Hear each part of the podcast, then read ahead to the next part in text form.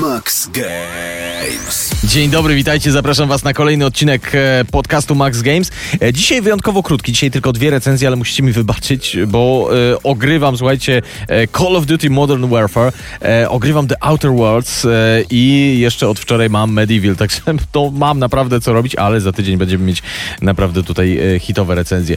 Natomiast dzisiaj dwie gry może nie z tej najwyższej półki oczekiwań, ale też naprawdę ciekawe, warte zwrócenia uwagi. E, Trine 4 i e, Crossroads Inn. Od tej pierwszej sobie zaczniemy.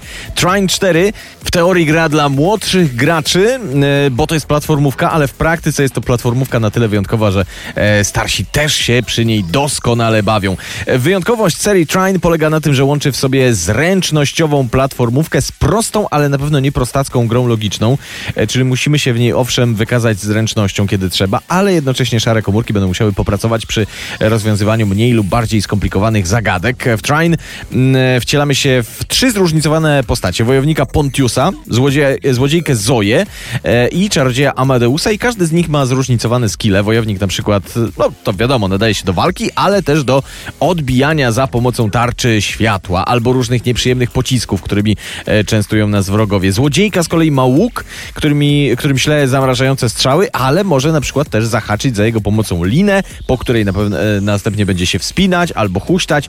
No a czarownik ma zdolności telekinetyczne. Między naszymi trzema postaciami możemy, a właściwie to często musimy e, przełączać się w dowolnym momencie, aby właśnie z tych unikalnych skilli skorzystać, e, żeby rozwiązać jakąś zagadkę. Na przykład e, czarownik siłą telekinezy wyczarowuje i przenosi skrzynię, na której z kolei linę zaczepia łuczniczka, wspina się na nią, zamraża z niej platformę, która opada w dół i może się na nią wspiąć e, wojownik. Oczywiście nic e, nie stoi na przeszkodzie, żeby grać w dwie osoby różnymi postaciami i rozwiązywać zagadki, nie przełączając się między nimi, tylko wykonując te czynności równolegle.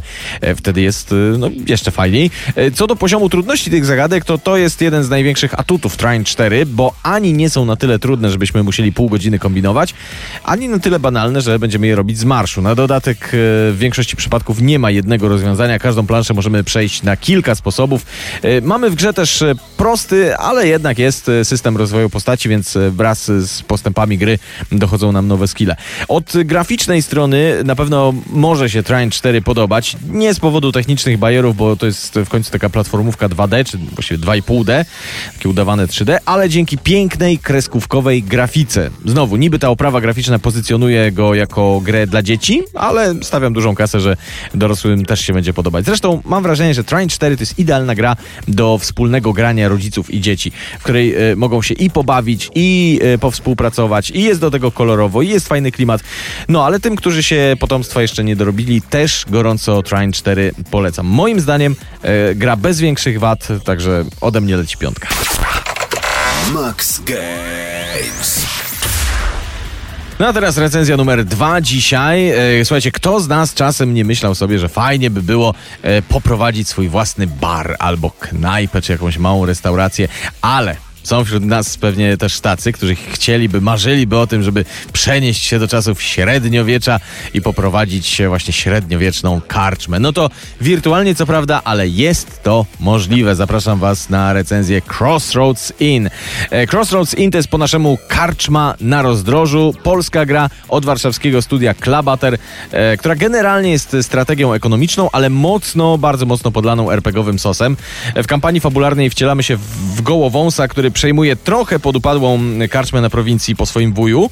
No i mają doprowadzić do wielkiej chwały. Nasze podstawowe zadanie to właśnie zarządzanie naszym przybytkiem. Rozbudowujemy naszą karczmę, meblujemy, e, wyposażamy, rozstawiamy stoły, ławy, różne ozdoby, ale też zatrudniamy ludzi do pomocy, ustalamy menu, e, ceny, ustawiamy dostawy jedzenia czy picia. No i krótko mówiąc, dbamy o to, żeby więcej zarabiać niż wydawać. Ten aspekt budowy i meblowania karczmy wygląda trochę jak Simsów, więc e, domorosłym architektom wnętrz na pewno się spodoba. No ale poza strategią, strategią ekonomiczną jest cała warstwa RPGowa. Mamy dużo postaci e, niezależnych, z którymi wchodzimy w interakcje i w dialogi. Możemy w rozmowie używać różnych skilli i w zależności od tego, na jakim poziomie je mamy, e, to szansa na powodzenie jest mniejsza albo większa. Na przykład w rozmowie e, z kupcem możemy go zastraszyć, żeby dał nam zniżkę, ale ponieważ mamy wysoką charyzmę, no to możemy tego też e, przekonać i przyniesie to lepszy efekt. Generalnie wszystkie te dialogi e, prowadzą nas przez kolejne zadania główne i questy poboczne. Niektóre ciekawsze, inne no takie sobie. Generalnie scenariuszowo e, Crossroads Inn ono tak niby przenosi nas w świat średniowiecznego fantazy, e, tylko że tak naprawdę na kolana nie rzuca. Trochę mam wrażenie, że twórcy właśnie poszli w konwencję baśni zamiast takiego mięsistego fantazy. E, postacie, które spotykamy są dosyć e, przerysowane, a dylematy raczej takie czarno-białe i ja tego osobiście nie kupuję. Nie do końca mi się to podoba, ale to jest kwestia gustu. Nie mówię, że to jest, e, że to jest wada. Graficznie z kolei Crossroads Inn wygląda nieźle, jak na niskobudżetową grę i wydaje mi się, że ten średniowieczny klimat fajnie się tam grafikom udało oddać zwłaszcza w połączeniu jeszcze z bardzo fajną muzyką stylizowaną na dawne brzmienia. Ogólnie rzecz biorąc, y, mnie podoba się w tej grze wszystko, co ma związek z ekonomią, a do tych RPGowych kwestii to raczej podchodzę z dystansem. Natomiast największą wadą gry e, są niestety irytujące błędy, jakieś niedoróbki, czasem nas potrafi gra wywalić do Windowsa. No, niestety wygląda na to, że troszeczkę zabrakło twórcom czasu na e, techniczne szlify, choć trzeba oddać, że na bieżąco cały czas to poprawiają. E, a, jeszcze jedno, polska gra bez polskiej wersji językowej to jednak jest trochę niefajnie. Niby ma być polska wersja, ale póki co nie ma, także tu też minus. Ogólnie jednak Crossroads Inn to jest tytuł z e, potencjałem, naprawdę sporym, jeszcze nie do końca uwolnionym, ale już myślę obiecującym. Na razie gra na czwórkę, a myślę, że po poprawkach co najmniej pół oceny w górę będzie. Max Games.